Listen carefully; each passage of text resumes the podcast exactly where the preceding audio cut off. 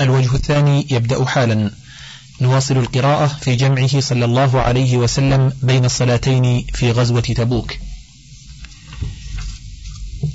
فروى عن معاذ بن جبل أن رسول الله صلى الله عليه وسلم كان في غزوة تبوك إذا زاغت الشمس قبل أن يرتحل جمع بين الظهر والعصر. وفي المغرب مثل ذلك إن غابت الشمس قبل أن يرتحل جمع بين المغرب والعشاء وإن ارتحل قبل أن تغيب الشمس أخر المغرب حتى ينزل للعشاء ثم يجمع بينهما. وهشام بن سعد ضعيف عندهم ضعفه الإمام أحمد وابن معين وأبو حاتم وأبو زرعة ويحيى بن سعيد وكان لا يحدث عنه وضعفه النسائي أيضا. وقال أبو بكر البزار لم أرى أحدا توقف عن حديث هشام بن سعد ولا اعتل عليه بعلة توجب التوقف عنه وقال أبو داود حديث مفضل والليث حديث منكر. فصل في رجوع النبي صلى الله عليه وسلم من تبوك وما هم المنافقون به من الكيد به وعصمة الله إياه. ذكر أبو الأسود في مغازيه عن عروة قال ورجع رسول الله صلى الله عليه وسلم قافلا من تبوك إلى المدينة حتى إذا كان ببعض الطريق مكر برسول الله صلى الله عليه وسلم ناس من المنافقين فتآمروا أن يطرحوه من رأس عقبة في الطريق. فلما بلغوا العقبة أرادوا أن يسلكوها معه فلما غشيهم رسول الله صلى الله عليه وسلم أخبر خبرهم فقال من شاء منكم أن يأخذ ببطن الوادي فإنه أوسع لكم.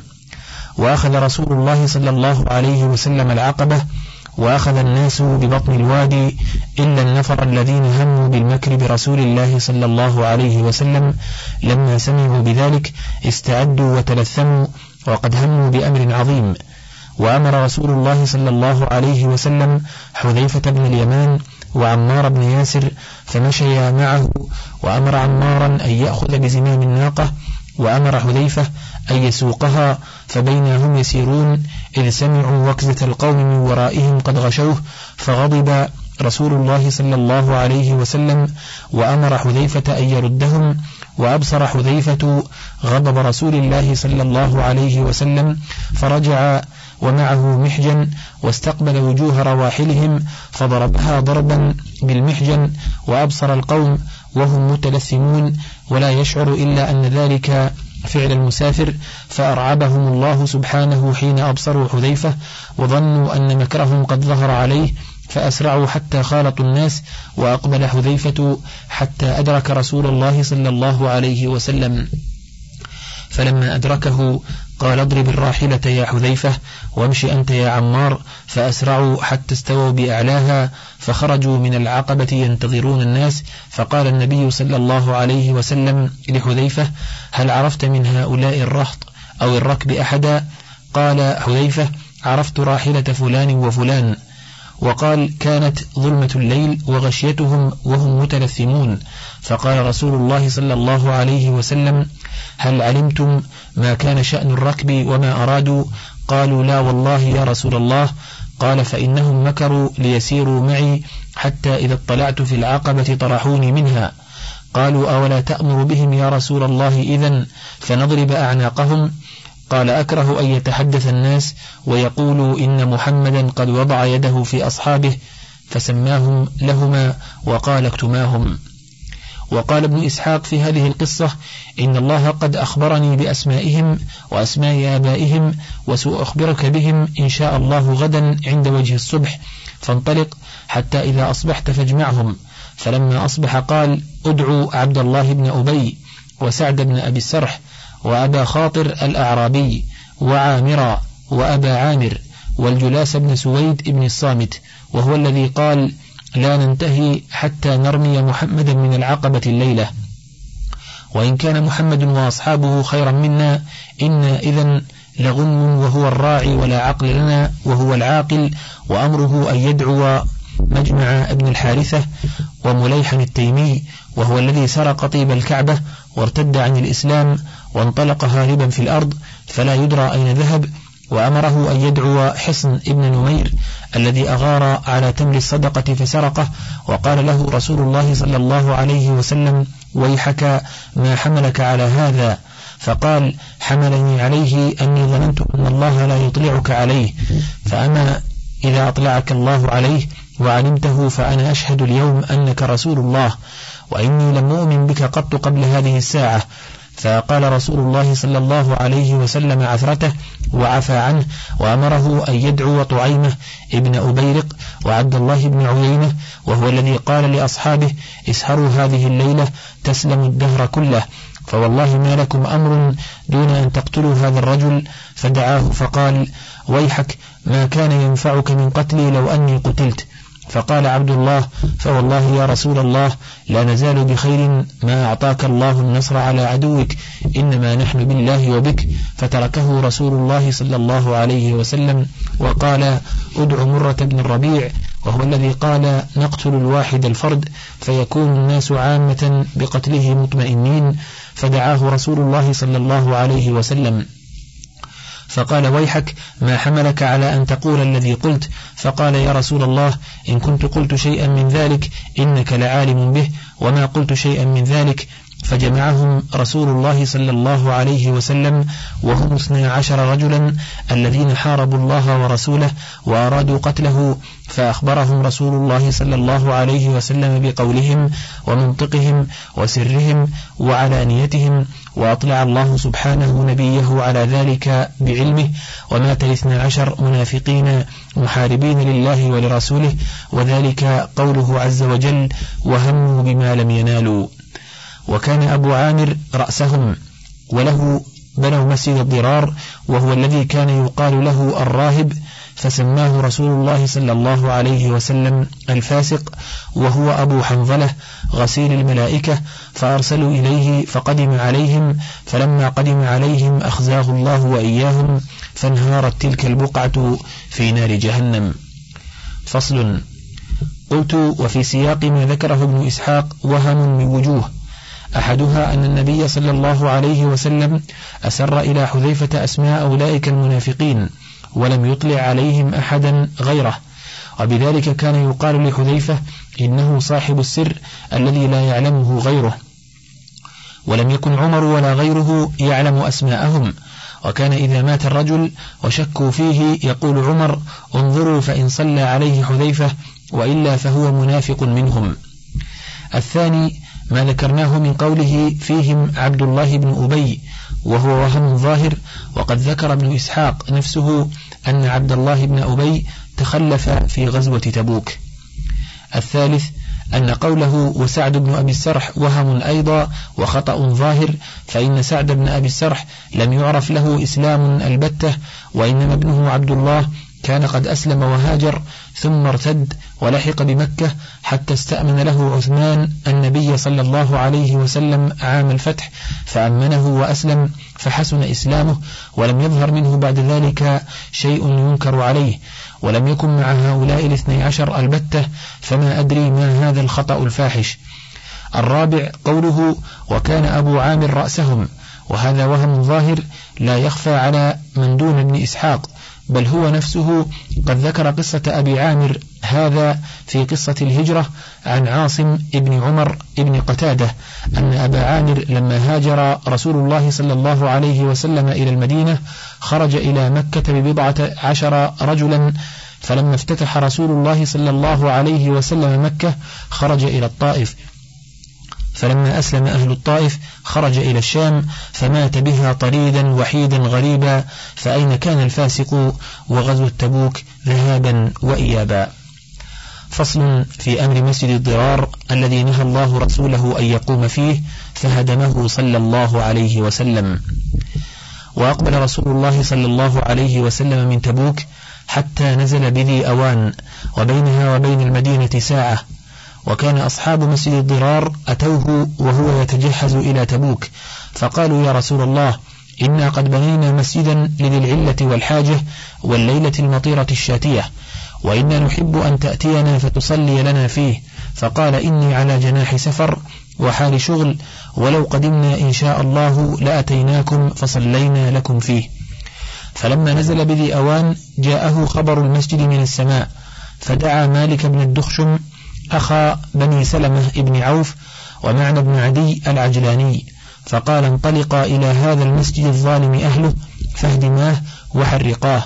فخرجا مسرعين حتى أتيا بني سالم بن عوف وهم رهط مالك بن الدخشم. فقال مالك لمعن أنظرني حتى أخرج إليك بنار من أهلي ودخل إلى أهله فأخذ سعفا من النخل فأشعل فيه نارا ثم خرج يشتدان حتى دخلاه وفيه أهله فحرقاه وهدماه فتفرقوا عنه فأنزل الله فيه والذين اتخذوا مسجدا ضرارا وكفرا وتفريقا بين المؤمنين إلى آخر القصة. وذكر ابن إسحاق الذين بنوه وهم اثنا عشر رجلا منهم ثعلبة بن حاطب. وذكر عثمان بن سعيد الدارمي حدثنا عبد الله بن صالح حدثني معاوية بن صالح عن علي بن أبي طلحة عن ابن عباس في قوله والذين اتخذوا مسجدا ضرارا وكفرا هم أناس من الأنصار ابتنوا مسجدا فقال لهم أبو عامر ابنوا مسجدكم واستمدوا ما استطعتم من قوة ومن سلاح فإني ذاهب إلى قيصر ملك الروم فآتي بجند من الروم فأخرج محمدا وأصحابه فلما فرغوا من مسجدهم أتوا النبي صلى الله عليه وسلم فقالوا إنا قد فرغنا من بناء مسجدنا فنحب أن تصلي فيه وتدعو بالبركة فأنزل الله عز وجل لا تقم فيه أبدا لمسجد أسس على التقوى من أول يوم يعني مسجد قباء أحق أن تقوم فيه إلى قوله فانهار به في نار جهنم يعني قواعده لا يزال بنيانهم الذي بنوا ريبة في قلوبهم يعني الشك إلا أن تقطع قلوبهم يعني بالموت. فصل.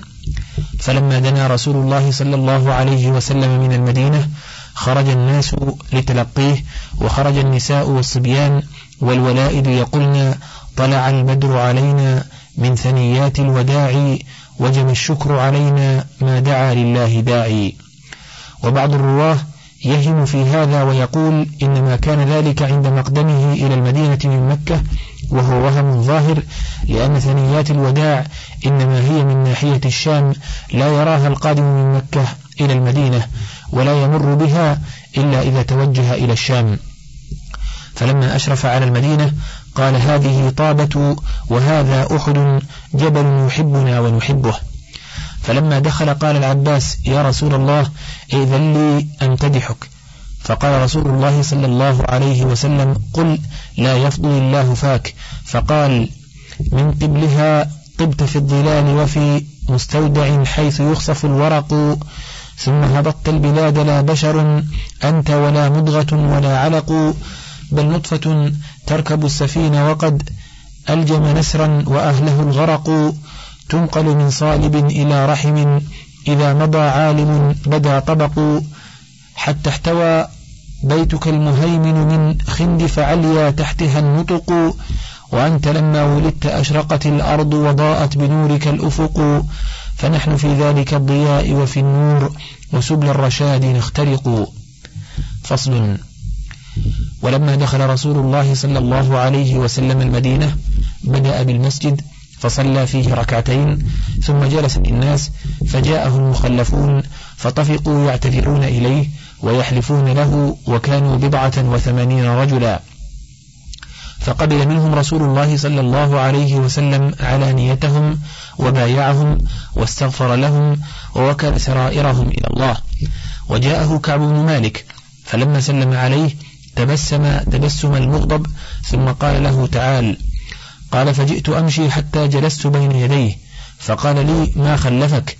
ألم تكن قد ابتعت ظهرك؟ فقلت بلى إني والله لو جلست عند غيرك من أهل الدنيا لرأيت أن أخرج من سخطه بعذر ولقد أعطيت جدلا ولكني والله لقد علمت إن حدثتك اليوم حديث كذب ترضى به علي ليوشكن الله أن يسخطك علي. ولئن حدثتك حديث صدق تجد علي فيه إني لأرجو فيه عفو الله عني. والله ما كان لي من عذر والله ما كنت قط أقوى ولا أيسر مني حين تخلفت عنك.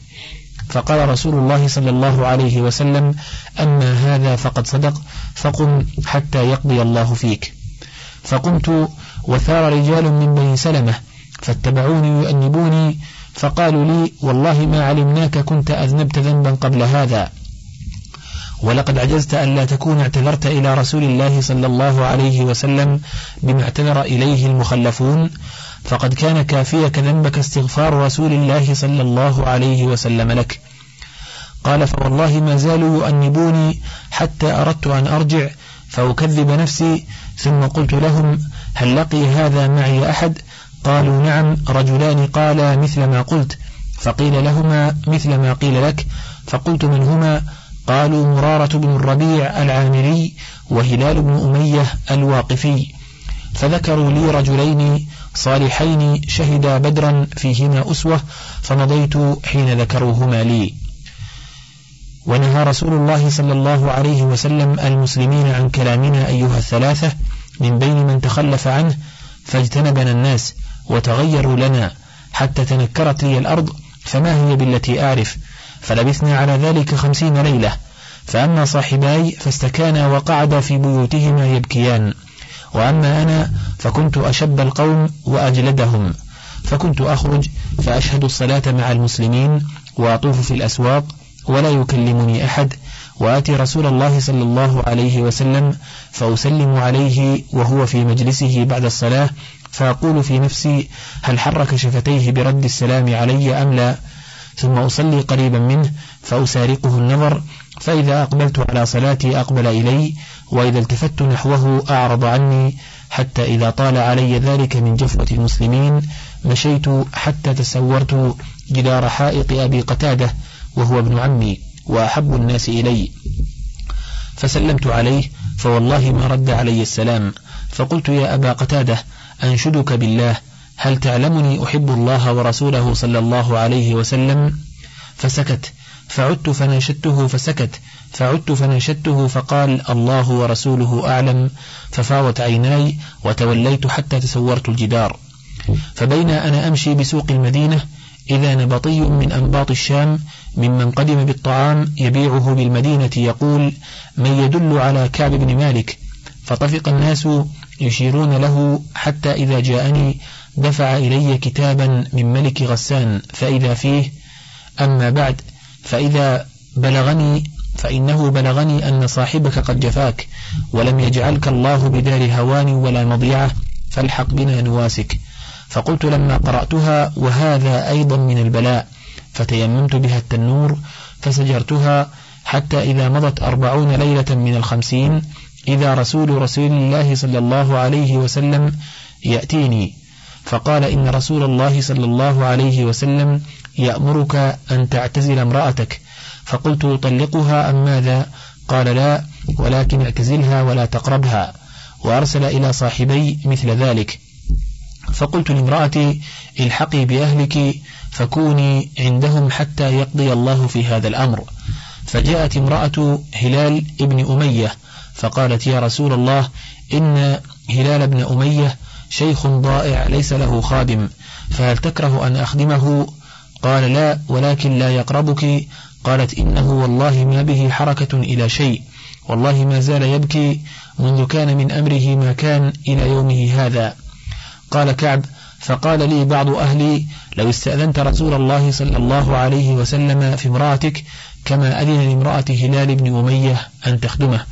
فقلت والله لا أستأذن فيها رسول الله صلى الله عليه وسلم وما يدريني ما يقول رسول الله صلى الله عليه وسلم إذا استأذنته فيها وأنا رجل شاب. ولبثت بعد ذلك عشر ليال حتى كملت لنا خمسون ليلة من حين نهى رسول الله صلى الله عليه وسلم عن كلامنا. فلما صليت صلاة الفجر صبح خمسين ليلة على سطح بيت من بيوتنا بين أنا جالس على الحال التي ذكر الله تعالى قد ضاقت علي نفسي وضاقت علي الأرض بما رحبت. سمعت صوت صارخ أوفى على جبل سلع بأعلى صوته. يا كعب بن مالك أبشر. فخررت ساجدا فعرفت أن قد جاء فرج من الله وآذن رسول الله صلى الله عليه وسلم بتوبة الله علينا حين صلى الفجر. فذهب الناس يبشروننا وذهب قبل صاحبي مبشرون وركض إلي رجل فرسا وسعى ساع من أسلم فأوفى على ذروة الجبل وكان الصوت أسرع من الفرس فلما جاءني الذي سمعت صوته يبشرني نزعت له ثوبي فكسوته إياهما ببشراه والله ما أملك غيرهما واستعرت ثوبين فلبستهما فانطلقت إلى رسول الله صلى الله عليه وسلم فتلقاني الناس فوجا فوجا يهنئونني بالتوبة يقولون ليهنك توبة الله عليك؟ قال كعب حتى دخلت المسجد فإذا رسول الله صلى الله عليه وسلم جالس حوله الناس فقام إلي طلحة بن عبيد الله يهرول حتى صافحني وهناني. والله ما قام إلي رجل من المهاجرين غيره ولست أنساها لطلحة. فلما سلمت على رسول الله صلى الله عليه وسلم قال وهو يبرق وجهه من السرور أبشر بخير يوم مر عليك منذ ولدتك أمك. قال قلت أمن عندك يا رسول الله؟ أم من عند الله؟ قال لا بل من عند الله. وكان رسول الله صلى الله عليه وسلم إذا سر استنار وجهه حتى كأنه قطعة قمر وكنا نعرف ذلك منه. فلما جلست بين يديه قلت يا رسول الله إن من توبتي أن أنخلع من مالي صدقة إلى الله وإلى رسوله فقال أمسك عليك بعض مالك فهو خير لك. قلت فإني أمسك سهمي الذي بخيبر. فقلت يا رسول الله إن الله إنما نجاني بالصدق. وإن من توبتي أن لا أحدث إلا صدقا ما بقيت. فوالله ما أعلم أحدا من المسلمين أبلاه الله في صدق الحديث منذ ذكرت ذلك لرسول الله صلى الله عليه وسلم إلى يوم هذا ما أبلاني. والله ما تعمدت بعد ذلك إلى يوم هذا كذبا. وإني لأرجو أن يحفظني الله فيما بقيت. فأنزل الله تعالى على رسوله لقد تاب الله على النبي والمهاجرين والأنصار إلى قوله يا أيها الذين آمنوا اتقوا الله وكونوا مع الصادقين. فوالله ما أنعم الله علي نعمة قط بعد أن هداني للإسلام أعظم في نفسي من صدقي رسول الله صلى الله عليه وسلم. ألا أكون كذبته؟ فأهلك كما هلك الذين كذبوا. فإن الله قال للذين كذبوا حين أنزل الوحي شر ما قال لأحد قال سيحلفون بالله لكم إذا انقلبتم إليهم إلى قوله فإن الله لا يرضى عن القوم الفاسقين. قال كعب وكان تخلفنا أيها الثلاثة عن أمر أولئك الذين قبل منهم رسول الله صلى الله عليه وسلم حين حلفوا له فبايعهم واستغفر لهم وأرجى أمرنا حتى قضى الله فيه فبذلك قال الله وعلى الثلاثة الذين خلفوا. وليس الذي ذكر الله مما خلفنا عن الغزو وإنما هو تخليفه إيانا وإرجاؤه أمرنا عمن حلف له واعتذر إليه فقبل منه.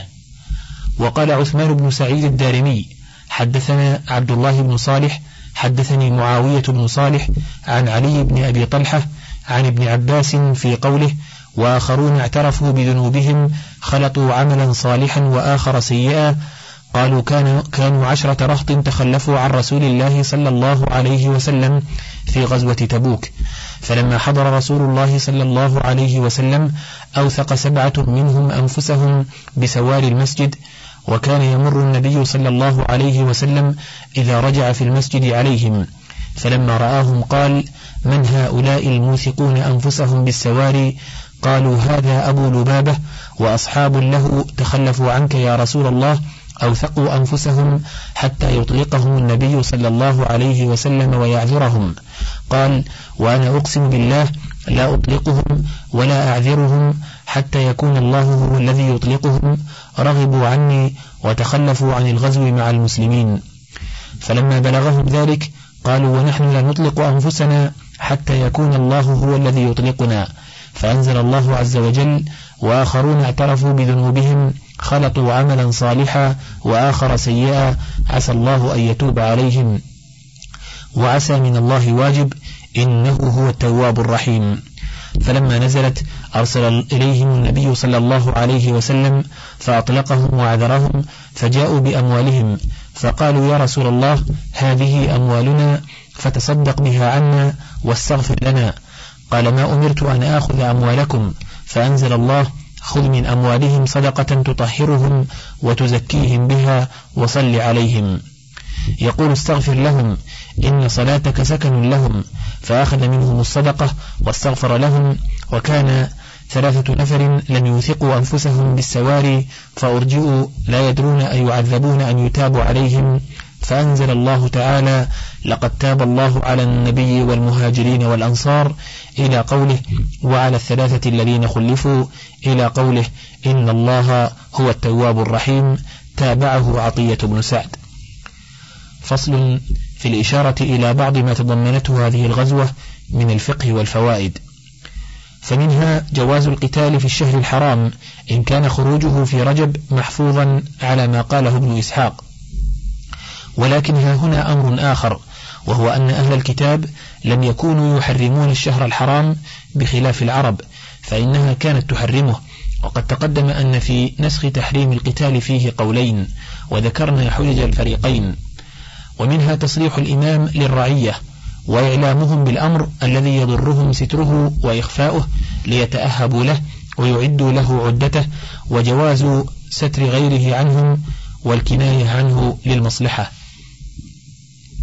ومنها أن الإمام إذا استنفر الجيش لزمهم النفير ولم يجوز لأحد التخلف إلا بإذنه ولم يشترط ولا يشترط في وجوب النفير تعيين كل واحد منهم بعينه بل متى استنفر الجيش لزم كل واحد منهم الخروج معه. وهذا أحد المواضع الثلاثة التي يصير فيها الجهاد فرض عين. والثاني إذا حضر العدو البلد والثالث إذا حضر بين الصفين.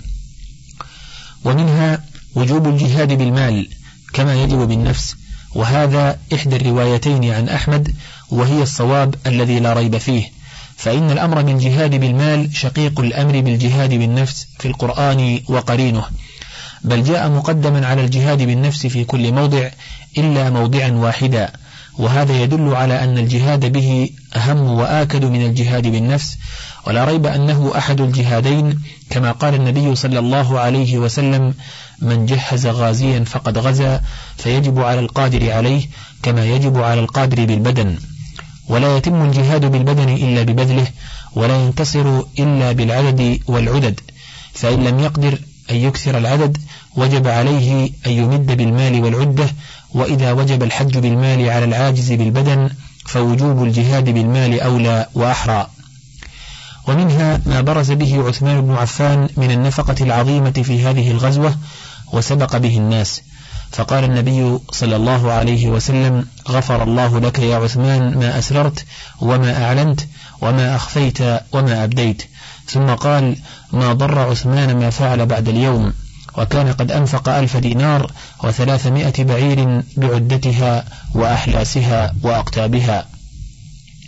ومنها أن العاجز بماله لا يعذر حتى يبذل جهده ويتحقق عجزه فإن الله سبحانه إنما نفى الحرج عن هؤلاء العاجزين بعد أن أتوا رسول الله صلى الله عليه وسلم ليحملهم فقال لا أجد ما أحملكم عليه. فرجعوا يبكون لما فاتهم من الجهاد فهذا العاجز الذي لا حرج عليه. ومنها استخلاف الإمام إذا سافر رجلا من الرعية على الضعفاء والمعذورين والنساء والذرية ويكون نائبه من المجاهدين لأنه من أكبر العون لهم. وكان رسول الله صلى الله عليه وسلم يستخلف ابن أم مكتوم فاستخلفه بضع عشرة مرة. وأما في غزوة تبوك فالمعروف عند أهل الأثر أنه استخلف علي بن أبي طالب كما في الصحيحين عن سعد بن أبي وقاص قال خلف رسول الله صلى الله عليه وسلم عليا رضي الله عنه في غزوة تبوك فقال يا رسول الله تخلفني مع النساء والصبيان؟ فقال أما ترضى أن تكون مني بمنزلة هارون من موسى غير أنه لا نبي بعدي. ولكن هذه كانت خلافة خاصة على أهله صلى الله عليه وسلم.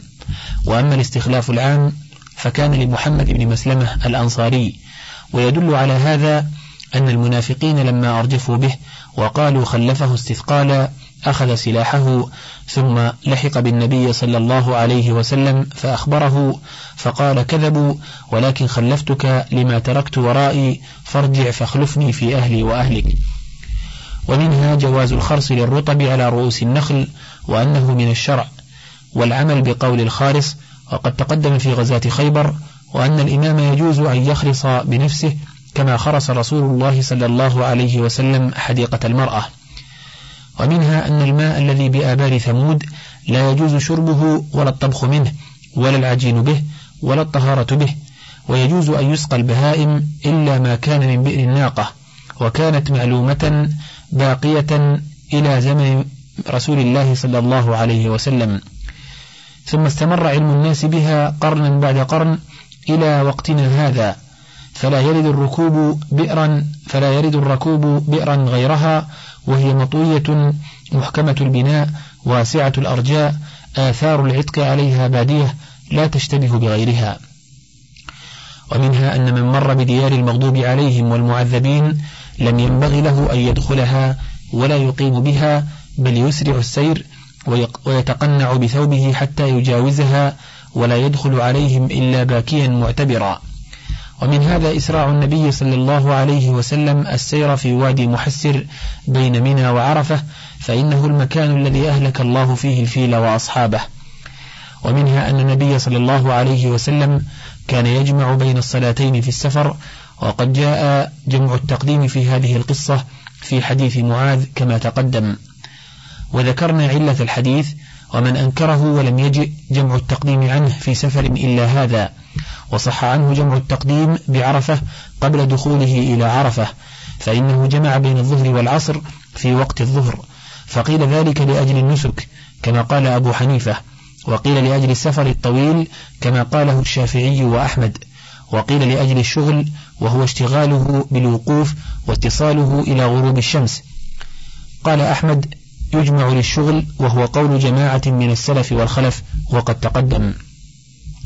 ومنها جواز التيمم بالرمل فإن النبي صلى الله عليه وسلم وأصحابه فإن النبي صلى الله عليه وسلم وأصحابه قطعوا الرمال التي بين المدينة وتبوك ولم يحملوا معهم ترابا بلا شك وتلك مفاوز معطشة شكوا فيها العطش إلى رسول الله صلى الله عليه وسلم وقطعا كانوا يتيممون بالأرض التي هم فيها نازلون هذا كله مما لا شك فيه مع قوله صلى الله عليه وسلم فحيثما أدركت رجلا من أمة الصلاة فعنده مسجده وطهوره ومنها أنه صلى الله عليه وسلم أقام بتبوك عشرين يوما يقصر الصلاة ولم يقل للأمة لا يقصر الرجل الصلاة إذا أقام أكثر من ذلك ولكن اتفقت إقامته هذه المدة وهذه الإقامة في حال السفر لا تخرج عن حكم السفر سواء طالت أو قصرت إذا كان غير مستوطن ولا عازم على الإقامة بذلك الموضع. وقد اختلف السلف والخلف في ذلك اختلافا كثيرا. ففي صحيح البخاري عن ابن عباس قال أقام رسول الله صلى الله عليه وسلم في بعض أسفاره تسع عشرة يصلي ركعتين فنحن إذا أقمنا تسع عشرة نصلي ركعتين وإن زدنا على ذلك أتممنا. وظاهر كلام أحمد أن ابن عباس أراد مدة مقامه بمكة زمن الفتح فإنه قال أقام رسول الله صلى الله عليه وسلم بمكة ثمان عشرة زمن الفتح لأنه أراد حنينا ولم يكن ثم أجمع المقام وهذه إقامته التي رواها ابن عباس وقال غيره بل أراد ابن عباس مقامه بتبوك. كما قال جابر بن عبد الله أقام النبي صلى الله عليه وسلم بتبوك عشرين يوما يقصر الصلاة. رواه الإمام أحمد في مسنده. وقال عبد الرحمن ابن المسور ابن مخرمة أقمنا مع سعد ببعض قرى الشام أربعين ليلة يقصرها سعد ونتمها. وقال نافع أقام ابن عمر بأذربيجان ستة أشهر يصلي ركعتين وقد حال الثلج بينه وبين الدخول. وقال حفص بن عبيد الله أقام أنس بن مالك بالشام سنتين يصلي صلاة المسافر. وقال أنس أقام أصحاب رسول الله صلى الله عليه وسلم برام هرمز سبعة أشهر يقصرون الصلاة. وقال الحسن أقمت مع عبد الرحمن بن سمرة بكابل سنتين يقصر الصلاة ولا يجمع. وقال إبراهيم كانوا يقيمون بالري السنة وأكثر من ذلك وسجستان السنتين. فهذا هدي رسول الله صلى الله عليه وسلم وأصحابه كما ترى وهو الصواب. وأما مذاهب الناس فقال الإمام أحمد إذا نوى إقامة أربعة أيام أتم وإن نوى دونها قصر. وحمل هذه الآثار على أن رسول الله صلى الله عليه وسلم وأصحابه لم يجمعوا الإقامة البتة بل كانوا يقولون اليوم نخرج غدا نخرج وفي هذا نظر لا يخفى فإن رسول الله صلى الله عليه وسلم فتح مكة وهي ما هي وأقام فيها يؤسس قواعد الإسلام ويهدم قواعد الشرك ويمهد أمر ما حولها من العرب ومعلوم قطعا أن هذا يحتاج إلى إقامة أيام لا يتأتى في يوم واحد ولا يومين وكذلك إقامته بتبوك فإنه أقام ينتظر العدو.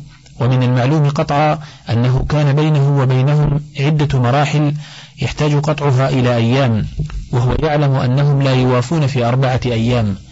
وكذلك إقامة ابن عمر بأذربيجان ستة أشهر يقصر الصلاة من أجل الثلج. ومن المعلوم أن مثل هذا الثلج لا يتحلل ويذوب في أربعة أيام بحيث تنفتح الطرق وكذلك إقامة أنس بالشام سنتين يقصر وإقامة الصحابة برام هرمز سبعة أشهر يقصرون. ومن المعلوم أن مثل هذا الحصار والجهاد يعلم أنه لا ينقضي في أربعة أيام. وقد قال أصحاب أحمد إنه لو أقام لجهاد عدو أو حبس سلطان أو مرض قصر سواء غلب على ظنه انقضاء الحاجة في مدة يسيرة أو طويلة وهذا هو الصواب.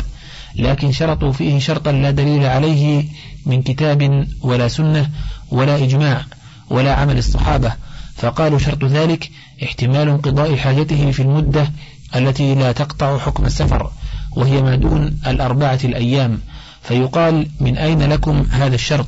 والنبي لما أقام زيادة على أربعة أيام يقصر الصلاة بمكة وتبوك لم يقل لهم شيئا ولم يبين لهم أنه لم يعزم على إقامة أكثر من أربعة أيام وهو يعلم أنهم يقتدون به في صلاته ويتأسون به في قصرها في مدة إقامته فلم يقل لهم حرفا واحدا لا تقصروا فوق إقامة أربع ليال وبيان هذا من أهم المهمات وكذلك اقتداء الصحابة به بعده. ولم يقولوا لمن صلى معهم شيئا في ذلك. وقال مالك والشافعي إن نوى إقامة أكثر من أربعة أيام أتم وإن نوى دونها قصر. وقال أبو حنيفة إن نوى إقامة خمسة عشر يوما أتم وإن نوى دونها قصر وهو مذهب الليث ابن سعد وروي عن ثلاثة من الصحابة عمر وابنه وابن عباس. وقال سعيد بن المسيب إذا أقمت أربعا فصل أربعا. وعنه كقول أبي حنيفة. وقال علي بن أبي طالب إن أقام عشرا أتم وهو رواية عن ابن عباس. وقال الحسن يقصر ما لم يقدم مصر. وقالت عائشة يقصر ما لم يضع الزاد والمزاد. والأئمة الأربعة متفقون على أنه إذا أقام لحاجة ينتظر قضاءها يقول اليوم أخرج غدا أخرج فإنه يقصر أبدا. إلا الشافعي في أحد قوليه فإنه يقصر عنده إلى سبعة عشر أو ثمانية عشر يوما ولا يقصر بعدها. وقد قال ابن المنذر في إشرافه أجمع أهل العلم أن للمسافر أن يقصر ما لم يجمع إقامة وإن أتى عليه سنون. فصل. ومنها جواز بل استحباب حنث الحالف في يمينه إذا رأى غيرها خيرا منها فيكفر عن يمينه ويفعل الذي هو خير. وإن شاء قدم الكفارة على الحنث وإن شاء أخرها. وقد روي حديث أبي موسى هذا إلا أتيت الذي هو أخير وتحللتها. وفي لفظ إلا كفرت عن يميني وأتيت الذي هو أخير. وفي لفظ إلا أتيت الذي هو خير وكفرت عن يميني. وكل هذه الألفاظ في الصحيحين وهي تقتضي عدم الترتيب. وفي السنن من حديث عبد الرحمن بن سمرة عن النبي صلى الله عليه وسلم إذا حلفت على يمين فرأيت غيرها خيرا منها فكفر عن يمينك ثم أتي الذي هو خير. وأصله في الصحيحين فذهب أحمد ومالك والشافعي إلى جواز تقديم الكفارة على الحنث واستثنى الشافعي التكفير بالصوم فقال لا يجوز التقديم ومنع أبو حنيفة تقديم الكفارة مطلقا. فصل. ومنها انعقاد اليمين في حال الغضب إذا لم يخرج بصاحبه إلى حد لا يعلم معه ما يقول. وكذلك ينفذ حكمه وتصح عقوده فلو بلغ به الغضب إلى حد الإغلاق لم تنعقد يمينه ولا طلاقه.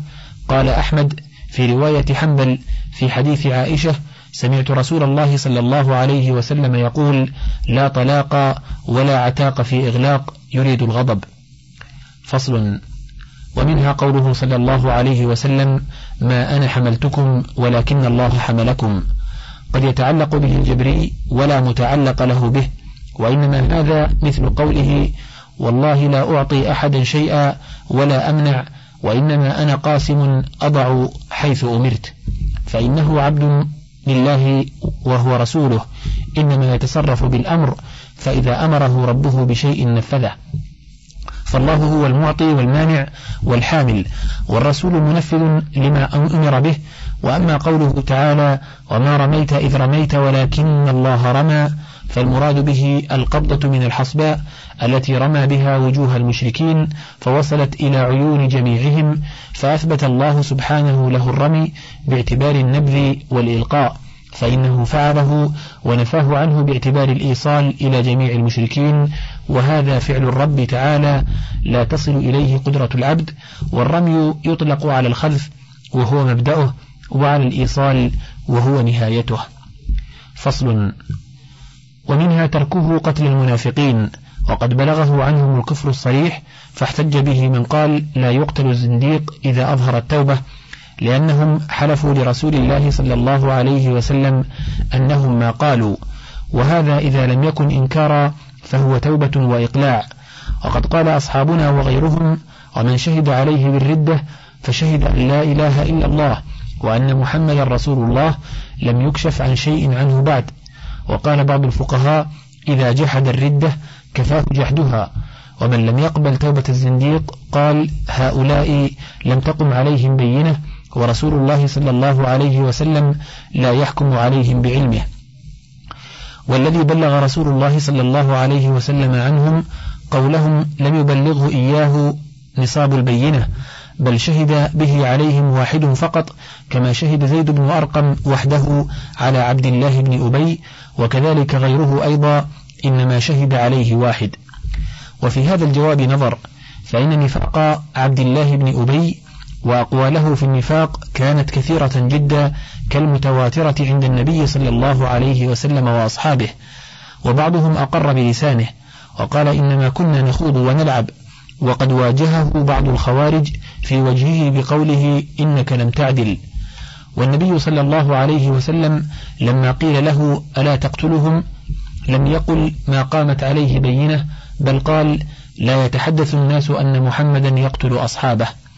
فالجواب الصحيح إذا أنه كان في ترك قتلهم في حياة النبي صلى الله عليه وسلم مصلحة تتضمن تأليف القلوب على رسول الله صلى الله عليه وسلم وجمع كلمة الناس عليه وكان في قتلهم تنفير والإسلام بعد في غربة ورسول الله صلى الله عليه وسلم أحرص شيء على تأليف الناس وأترك شيء لما ينفرهم عن الدخول في طاعته وهذا أمر كان يختص بحال حياته صلى الله عليه وسلم. وكذلك ترك قتل من طعن عليه في حكمه بقوله في قصة الزبير وخصمه أن كان ابن عمتك وفي قسمه بقوله إن هذه لقسمة ما أريد بها وجه الله وقول الآخر له إنك لم تعدل فإن هذا محض حقه له أن يستوفيه وله أن يتركه وليس للأمة بعده ترك استيفاء حقه بل يتعين عليهم استيفاؤه ولا بد ولتقرير هذه المسائل موضع آخر والغرض التنبيه والإشارة. انتهى الشريط الأربعون من كتاب زاد المعاد وله بقية على الشريط الحادي والأربعين.